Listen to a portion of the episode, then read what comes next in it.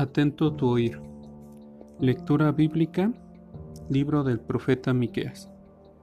Escritura: Miqueas 2 del 6 al 7.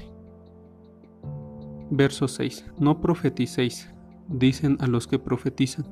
No les profeticen porque no les alcanzará vergüenza. 7. Tú que te dices, casa de Jacob, ¿se ha cortado el espíritu de Jehová? ¿Son estas sus obras? No hacen mis palabras bien al que camina mensaje.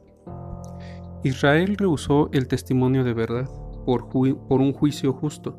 Fue sustituido por el espíritu de falsedad.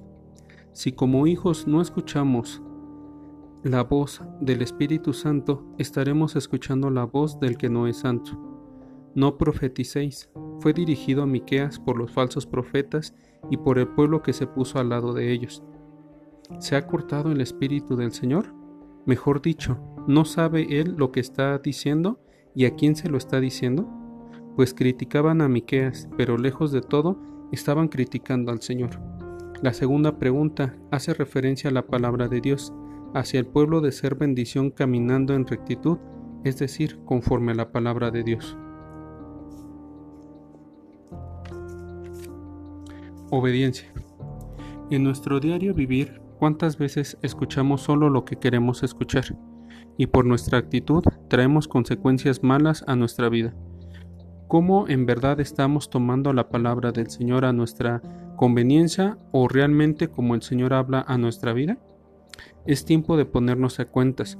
Señor, Tú conoces mi proceder, delante de ti nada es oculto.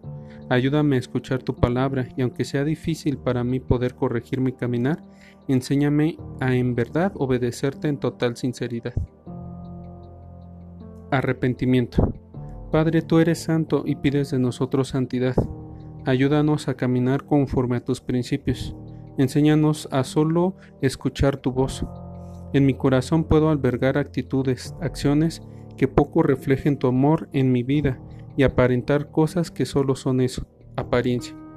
Señor, me arrepiento de todo aquello que me aleja de ti y solo me lleva a vivir una relación hueca y sin sentido delante de ti. Me arrepiento porque la voz del mundo puede criticar que tú no existes y apago mi voz para decir lo contrario, porque en verdad tú eres el Rey de todo. Padre, busco tu perdón y ayuda. Sé que tú eres quien puede limpiarme de toda mi maldad. Oración.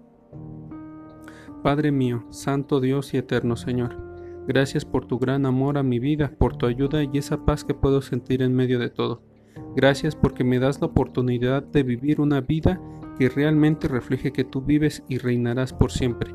Gracias mi Señor, en el nombre de Jesús. Amén.